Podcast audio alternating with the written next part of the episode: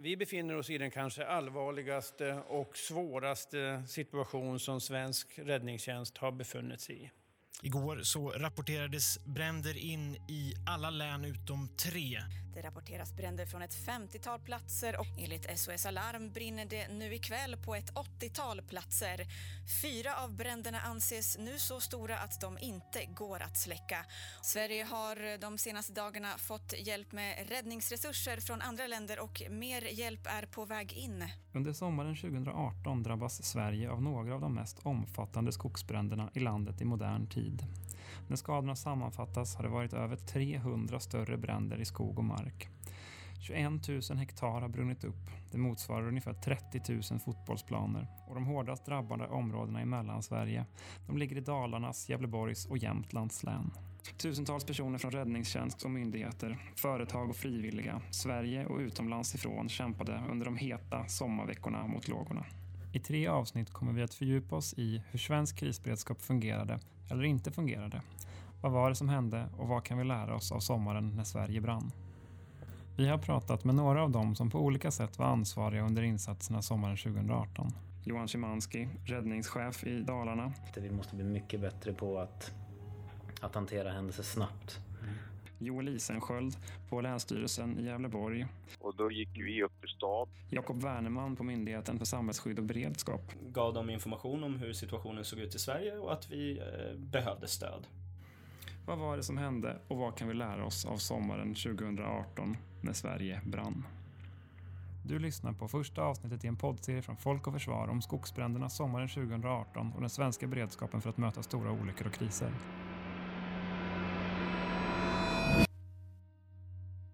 Det som var spektakulärt eller unikt det var ju att det var ett antal storbränder som i sig var så pass omfattande så att vi i princip aldrig har sett någon motsvarighet till dem. Eh, och vårt system för det här är ju inte riktigt designat för att ha så pass många stora komplexa kriser egentligen i samhället samtidigt. I juli då när vi hade extrema brandriskvärden, till och med sådana brandriskvärden som, som man normalt sett påstår att man inte kan få i Sverige.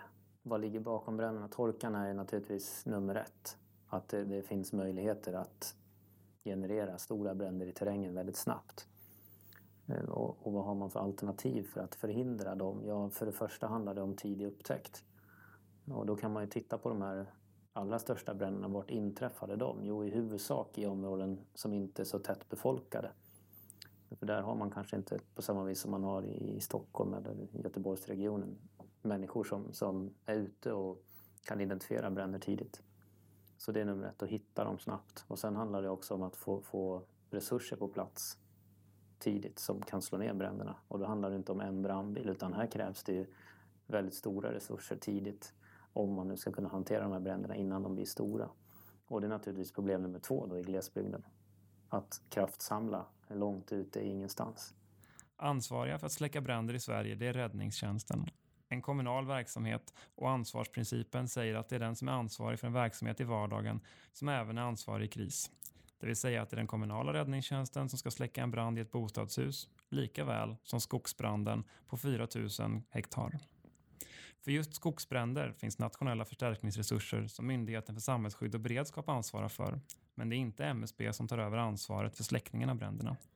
I steg ett egentligen, då är det ju att när det går från att vara en, en ganska så normal räddningsinsats som man kan hantera lokalt med den dimensionering som den lokala räddningstjänsten har. Och sen så ställs man inför faktum då att nu, nu är vi i, den, i det läget att nu kan vi inte längre hantera det här utan vi måste ha hjälp. Och då gäller det verkligen dels att tidigt skala upp insatsen och sen våga ta hjälp också. Eh, och i det läget handlar det också om att få gehör för att få hjälp. Eh, och det var ju någonting som vi upplevde tidigt i insatsen att det var väldigt svårt att få eh, de nationella och regionala myndigheterna på fötter tidigt. Eh, man var inte riktigt van vid att, eh, att hantera minutoperativt arbete om man säger, alltså i blåljustakt. Så det är en stor lärdom här från sommaren. Johan Szymanski, den unge räddningschefen från Mora, blev känd för många under sommarens brand i Trängslet i Älvdalens kommun. Som räddningsledare för den komplicerade insatsen på skjutfältet där oexploderad ammunition gjorde jobbet svårt för brandsläckningspersonalen var han ofta i medierna och uttryckte tydligt behovet av nationell inriktning och samordning. Vart uppstår de första flaskhalsarna? Vi är mycket bättre på att, att hantera händelser snabbt mm. i kontakter med myndigheter. Eh, när det gäller blåljusmyndigheter normalt sett så är man ju van att hantera saker i, ja, på sekundnivå nästan när man skickar resurser fram och tillbaka. Men, men våra myndigheter har inte den förmågan eh, idag. Men det, det, är någonting som vi måste skapa. Så, så om man sitter som tjänsteman i beredskap på en, av, en större myndighet i Sverige så, så måste man ju ha ett mandat att sätta igång och ringa i klockan så att säga på myndigheten. Men även kan man ju tycka då att man bör ha något system i Sverige som gör att om den ena myndigheten går upp i någon form av krisledningsstab eller liknande att det då spiller över på andra myndigheter så att man inser att nu är det på väg att hända någonting här. Så att inte då den lokala räddningsledaren ska behöva ringa och försöka övertyga alla myndigheter som kan bli berörda om att det här är illa, det här kommer bli stort. I Gävleborgs län tog Länsstyrelsen över ansvaret för räddningstjänsten i Ljusdals kommun den 23 juli. Joel Isensköld är enhetschef på Länsstyrelsen och en av dem som var med under sommarens bränder. Vad var det som gjorde att Länsstyrelsen fattade beslutet att ta över räddningstjänsten från den kommunala räddningstjänsten? När, när bränderna startade, eh, när, vi, när det drog igång om man säger så, det var ju 15 juli och då gick vi upp i stab och eh, förberedde oss på eh, vår roll som stöd till kommunen och ha samverkansrollen i arbetet i länet. Eh, men hela den tiden så hade vi ju tät dialog med Ljusdals kommun mm. och i takt med hur det utvecklades så, så ska vi säga, skedde det samråd, en, en inriktning mot ett övertagande som då skedde den 23 juli. Men vi var ju överens om det strax innan också eftersom vi åkte upp och, och förberedde övertagandet dagen innan, den 22 juli. Så det skedde i samråd när vi såg hur utvecklingen, eh, vilken riktning den tog helt enkelt. På nationell nivå är det ytterst regeringen som ansvarar för att resurserna används effektivt och att de åtgärder som behövs för att hantera krisen vidtas inom landet. I praktiken är det dock Myndigheten för samhällsskydd och beredskap, MSB, som utför mycket av det praktiska arbetet. Vid branden i Västmanland riktades kritik i utvärderingarna mot att flera myndigheter, bland annat MSB, varit för sena i sitt arbete att samordna insatserna för att släcka branden. I somras föregick MSB ett regeringsbeslut när det gällde att prioritera och fördela bland annat flygplan och helikoptrar till olika brandområden och skadeplatser. Vad är bakom MSBs agerande under sommaren? Johan Szymanski. Vi försökte få MSB att ta det för att innan MSB tog det så besökte Dan Eliasson bland annat våran stab. Och vårt budskap i huvudsak det var att ni måste ta mandatet att både koordinera men också prioritera resurser i landet. Sen gick det bara en eller två dagar så började MSB att titta på att bygga upp en nationell stab för att prioritera och koordinera. Så jag tyckte att Dan Eliasson gjorde det arbetet fantastiskt bra. Och jag tror att det var avgörande för att vi skulle hantera det här. Hade MSB inte valt att, om man säger då, överskrida sina befogenheter i somras så, så hade vi sett en annan utgång av det här sannolikt. Jakob Werneman, operativ chef på MSB, säger så här. Eh, man skulle kunna säga att vi var inne i gränslandet av, eh, av vart, hur vårt mandat ser ut. Eh, särskilt när det kommer till att inrikta samhällets resurser i nyttjandet av samhällets resurser för att hantera de här händelserna och prioritera framförallt eh, mellan händelserna och vilka resurser som bör användas var. Men det här gjordes samtidigt i totalt samförstånd med de olika aktörer som var inblandade. Ehm, så på så sätt känner jag inte att vi har liksom gått, gått bortom. Men eh, vi har ju pratat en längre tid eh, inom MSB och i systemet om att det finns ett behov av, av att inrikta eh, Eh, arbetet på det här sättet. Eh, det blev väldigt tydligt eh, i somras att MSB genom att sitta på den övergripande lägesbilden av händelseutvecklingen och situationen var bäst lämpade. Att samordna de resurser som finns tillgängliga i en kris kan vara svårt. Var finns personal och brandsläckningsutrustning någonstans? Är den där den behövs? Men under sommarens bränder var inte bara samordningen problemet, utan bristen var stor på grundläggande utrustning som brandslang och pumpar när lager och depåer snabbt tömdes i takt med att lågorna spred sig över landet. Nyheten att Sveriges enda brandslangsfabrik avbröt semestern och startade produktionen när bränderna rasade som värst slogs upp stort. Hur såg det nationella resursläget egentligen ut när det var som allra värst? När det kommer till de nationella resurserna så har ju MSB ett antal eh, förstärkningsresurser eh, som eh, skogsbrandsdepåer och eh, förstärkningsresurs, samverkan och ledning och, och, och andra typer av stöd som MSB förfogar över och eh, på förfrågan ifrån eh, kommuner via länsstyrelser kan bidra, bistå med. Eh, men vi hamnade också i en situation där MSB som den aktör som satt på den samlade nationella lägesbilden även gav rekommendationer till andra statliga myndigheter eh, för hur de skulle prioritera sina förstärkningsresurser. Det rör allt ifrån Försvarsmakten till eh, Kustbevakningen till Trafikverket och andra.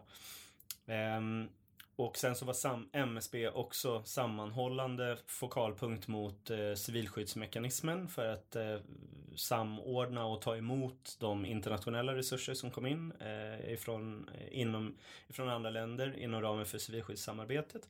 Och vi hade även en nära dialog med de nordiska länderna för att eh, stödja samordningen av de resurser som kom in via Nordred. Sverige fick stort internationellt stöd av bland annat Polen, Italien, Frankrike, Norge, Finland, Litauen. Hur fungerade EU-samarbetet och de internationella samarbetena? Det, det är ju ett etablerat samarbete eh, där det finns föranmälda resurser och föranmäld eh, eller fördefinierad eh, administration kring hur länder kan hjälpa varandra i olika krissituationer. Eh, där MSB, Sverige via MSB har anmält in ett antal olika resurser som vi eh, bistår med vid olika händelser runt om i Europa. Om översvämningar så kan vi bistå med barriärer och pumpar och andra saker. Det har också gjort så tidigare. Ehm, i somras eh, när vi såg den här situationen och såg ganska snabbt att vi skulle behöva ha stöd framförallt med eh, eh, brandbekämpning från luften men även så småningom såg behov av även att ha stöd med marktrupper eh, från andra länder för att hjälpa till vid skogsbrandsbekämpningen. Så tog vi kontakt med Bryssel eh, och eh, fokalpunkterna inom ramen för eh, den europeiska civilskyddsmekanismen eh, där vi Ehm, gav dem information om hur situationen såg ut i Sverige och att vi eh, behövde stöd. Ehm, sen så koordineras den förfrågan som vi då, eh, den begäran som vi, som vi skickar in till Bryssel koordineras eh, via Bryssel ut till medlemmarna i civilskyddsmekanismen som återigen rapporterar in via Bryssel vilka resurser de kan erbjuda. Vi får det erbjudandet till oss på MSB och värderar det och tackar ja eller nej. Och sen så är vi även på MSB ansvariga för att eh, ja, men se till att de här resurserna kan tas om hand i, i Sverige. Och, och vad som blev vad som var unikt i somras var att vi redan i juni när, när det brann i Västmanland och Värmland och andra delar av Sverige så begärde vi stöd via civilskyddsmekanismen. Inte till en specifik händelse utan för att stärka den nationella beredskapen. Det är första gången eh, det någonsin händer inom civilskyddsmekanismen där grundtanken med det där samarbetet är att resurserna bistår man med när, vi har, när man har en stor akut händelse. Vi menade att i dels den situationen med sådana hö, höga risknivåer nivåer att eh, beredskapen behövde stärkas. Och, eh, och det, det fungerade väldigt bra. Vi fick in de resurserna, de gjorde nytta. Eh, men det innebar också att det var MSB som blev mottagaren av resursen och den fungerade som en tillfällig nationell förstärkningsresurs som sen kunde eh, erbjudas kommunal räddningstjänst om man såg ett behov av det för, för hantering av en enskild situation. När de sista utländska styrkorna lämnade Sverige i augusti hade landet stått värd för den största skogsbrandsinsatsen i EUs historia. Vilka krav ställde det här på MSB när det kommer till saker som värdlandsstöd och samordning? Det är viktigt att komma ihåg att det inte bara är att, att eh, tacka ja eh, på ett erbjudande från eh, ett erbjudande av stöd från ett annat land utan att det också kommer med eh, med en, en förväntan av att man ska klara av att ta emot det här erbjudandet. Eh, och det innefattar en rad olika saker, lite beroende på vad det är för typ av resurs som kommer in. Om det rör sig om marktrupper så kan det behövas dels ehm, tillstånd att föra in personal och utrustning in i Sverige. Eh, tillstånd att kunna ta sig fram på vägar, eh, tillstånd och, och, och utrustning att Eh, veta vart man ska bo någonstans, hur man ska äta, hur man kopplar upp sig på wifi eh, och så vidare. Eh, ganska mycket logistik kring det där som är lätt att glömma bort men som är väldigt viktigt. Sen är det ju såklart också viktigt att det finns en tydlig samordning och samband mellan de resurser och styrkor som kommer in och lokal räddningsledning och att det fungerar. Att det är tydligt eh, vad de här nya styrkorna kan bidra med och hur de används och nyttjas på, på rätt sätt. Eh, men även eh, så blev det tydligt för oss att många av de här eh, resurserna som kom in, de hade personal som behövde rotera in och ut också och det är ganska mycket logistik kopplat till det. Så att det är ganska mycket att tänka på. när det rör sig om flygande resurser så tillkommer det andra dimensioner också där det mm, behövs olika typer av tillstånd för utländska Eh, flygplan och helikoptrar att röra sig i svenskt luftrum. Ehm, det behövs eh, flygledning och samordning mellan flygledning och räddningsledning eh, för att säkerställa ett effektivt nyttjande utav resursen. Ehm, och den här typen av kapacitet var vi på MSB otroligt beroende av att få ifrån andra myndigheter som Försvarsmakten, Sjöfartsverket, ehm, Kustbevakningen men även eh, där vi såg över möjligheten att rekrytera in den typen av kompetens också direkt till MSB i somras utifrån vår personalpool och vår resursbas. Det internationella stödet har förstärkt framförallt de lokala och regionala insatserna. Hur fungerar det att ta emot internationellt stöd på lokal nivå? Räddningsledaren Johan Szymanski. Det var som ett militärt förband nästan som kom upp från Tyskland. De var helt självförsörjande med mat och de hade eget kök med sig, egen elkraft och egna duschar, allting. Så de behövde i princip bara en plats och så vidare.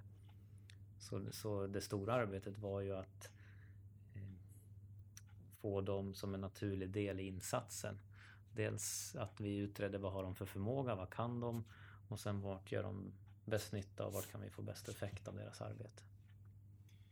Var det några tekniska problem? Jo, det är klart det fanns. Vi har inte samma slangkopplingar. Och då hade vi också hjälp av eh, bland annat eh, personal från marinen som är vana att vara ute till havs och bunkra med andra länders båtar. Så för dem var inte det här något konstigt så vi tillverkade ganska snabbt övergångskopplingar. Så det, det, blev aldrig något problem så utan det, man upptäckte problemet och löste det och det var inte mer än så i princip. Efter en rekordvarm maj beslutade Myndigheten för samhällsskydd och beredskap att begära resurser från EU i ett tidigt läge. Så från den 10 juni fanns två italienska vattenbombande flygplan på Örebro flygplats redo att sättas in i det extremt torra Sverige.